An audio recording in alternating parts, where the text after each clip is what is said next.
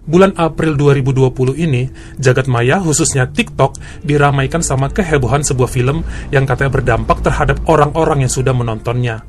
Ya, yang kita omongin adalah film Anthem, The Deadliest Film Ever Made. Anthem, film yang paling mematikan yang pernah dibuat. Jadi katanya, Anthem, The Deadliest Film Ever Made ini sebenarnya dibuat pada tahun 1979, yang kemudian memakan korban jiwa saat pemutarannya dulu di beberapa tempat. Misalnya pada saat pemutaran film ini di Budapest tahun 1988, kemudian bioskopnya kebakaran dan menewaskan 86 orang di dalamnya. Ada juga cerita di sebuah festival film di negara Jerman tahun 1988. Jadi katanya ada hampir 50 orang meninggal dunia setelah menonton film ini. Lalu ada kisah 30 orang meninggal di bioskop San Francisco pada tahun 1993 saat menonton film ini karena tiba-tiba bioskopnya terkunci dan orang-orang di dalamnya katanya kehabisan oksigen lalu saling menyakiti hingga tewas dan bioskopnya meledak. Dan yang paling rame itu, akhir-akhir ini di aplikasi TikTok beberapa penggunanya memposting keluh kesah mereka setelah menonton film ini. Bahkan terjadi hal-hal aneh selama menontonnya.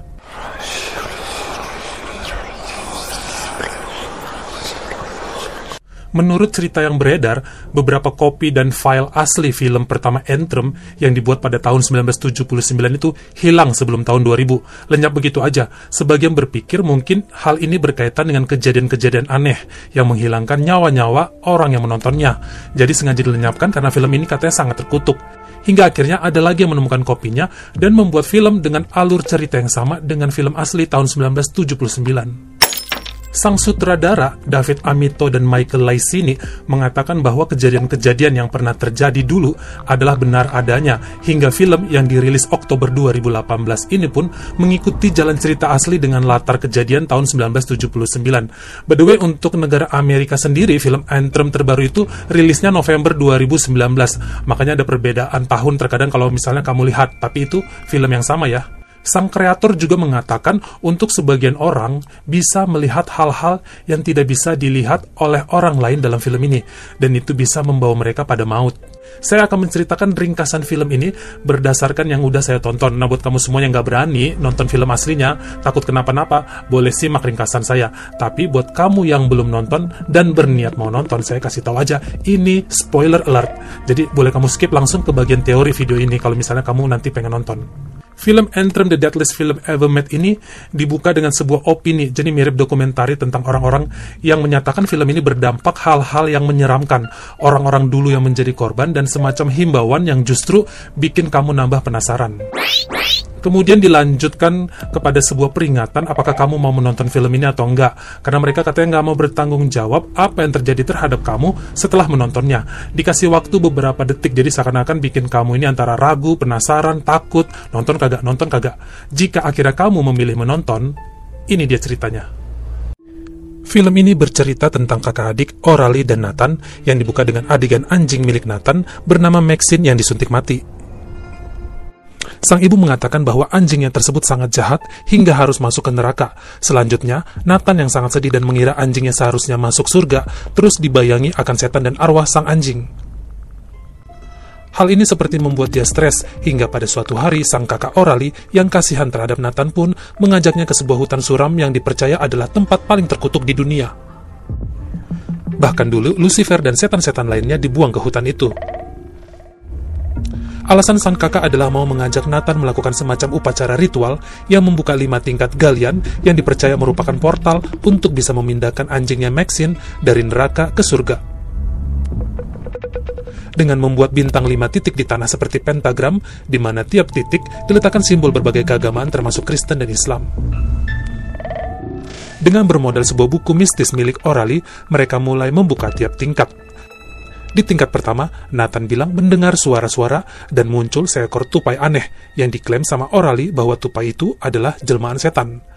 Saat tingkat kedua mulai digali, di tubuh Nathan muncul seperti bercak dan merah seperti cakaran-cakaran, namun kata Orali itu masih wajar. Di tingkat selanjutnya, ternyata mereka berhasil menemukan sebuah pistol. Sampai hari gelap, mereka pun menunda galian untuk tingkat selanjutnya dan bermalam di tenda yang mereka bawa. Dalam tenda malam itu, Orali membuka buku mistisnya dan cerita ke Nathan tentang Cerberus, yaitu anjing yang memiliki tiga kepala yang diikat pada gerbang pintu neraka. Cerberus inilah yang dipercaya harus mereka lawan pada tingkatan terakhir kelak sebagai penjaga pintu neraka untuk membebaskan anjing mereka, Maxine. Saat tengah malam, Nathan keluar dari tenda dan melihat sebuah perahu di mana di atasnya ada wanita tanpa busana dan mendengar suara rantai yang dipercaya Nathan sebagai rantai leher Cerberus. Keesokan harinya, mereka mendengar suara keributan aneh dan melihat dua pria dari kejauhan yang berperilaku seperti kanibal. Dua pria ini ternyata mirip sekali dengan sosok yang ada dalam buku mistisnya Orali, Saking takutnya, akhirnya Orali membawa Nathan pergi dan berniat kabur saja dari hutan itu. Orali berniat menghentikan segala ritual membuka tingkat ke neraka. Sampai kabur sejauh mungkin, naik perahu berjam-jam, akhirnya sampai ke daratan yang ternyata tenda mereka semula berada. Jadi mereka tidak bisa ke mana-mana, tidak bisa juga pulang, terperangkap dalam hutan itu. Nathan lalu berteriak dan bilang ke Orali, dia melihat sosok Cerberus. Namun kemudian Orali menarik Nathan ke dalam tenda dan mengakui semua isi buku mistis itu adalah bohong dan murni karangan dia sendiri.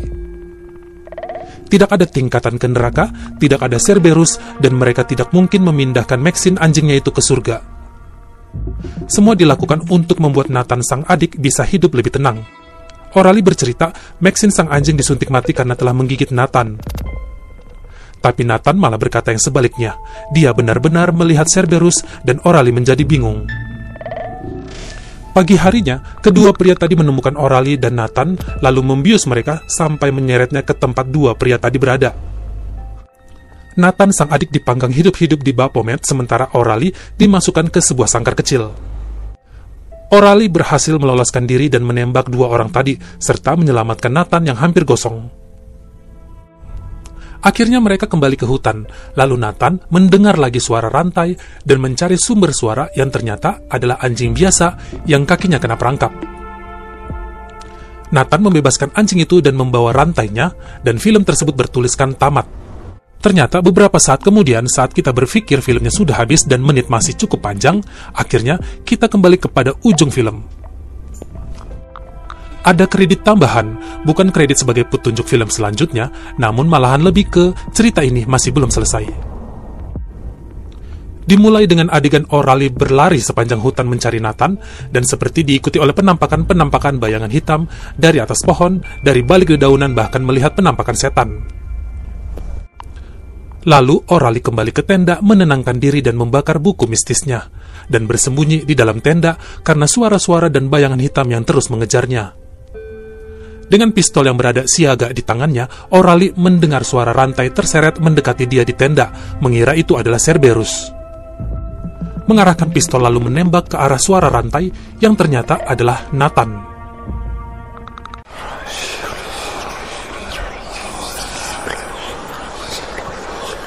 Jadi begitulah ringkasan ceritanya. Sekali lagi film ini banyak mengandung hal-hal yang mengganggu secara visual. Baiknya tidak ditonton oleh 18 tahun ke bawah ya. Nah, sebagian orang percaya bahwa apa yang terjadi pada sang kakak Orali benar-benar bisa masuk ke pikiran kita sebagai penonton yang awalnya tidak percaya sama hal-hal mistis akhirnya terasuki dan memutuskan untuk bunuh diri. Namun banyak orang yang sebenarnya skeptis sama hal ini termasuk saya, dan hal ini hanyalah sebuah gimmick yang disetting untuk membuat film ini booming. Ya semacam trik marketing gitulah. Contohnya kalau di Indonesia, kamu ingat dulu ada film Danur, di bioskopnya itu selalu ada lima kursi yang dikosongkan dan ditutup sama kain putih. Katanya sih uh, supaya ngasih makhluk lain bisa nonton bareng gitu. Padahal kan kalau setan nonton ya harus terbang-terbang aja ya, nggak perlu pakai kursi. Kurang lebih begitulah trik marketing yang juga dilakukan oleh pembuat film Anthem ini. Ada lagi yang berpendapat, saya beneran kok abis nonton film ini gemeteran, habis nonton film ini saya jadi sesak napas dan takut masuk ke kamar mandi atau dapur. Kalau saya sih nganggep hal itu wajar. Selain emang lagi hype dan kamu itu langsung menanamkan cerita yang lagi heboh itu ke tubuh dan pikiran kamu, ya tubuh kamu bakal ngikut sama otak kamu. Hal ini juga terjadi kalau misalnya kamu nonton film horor lainnya.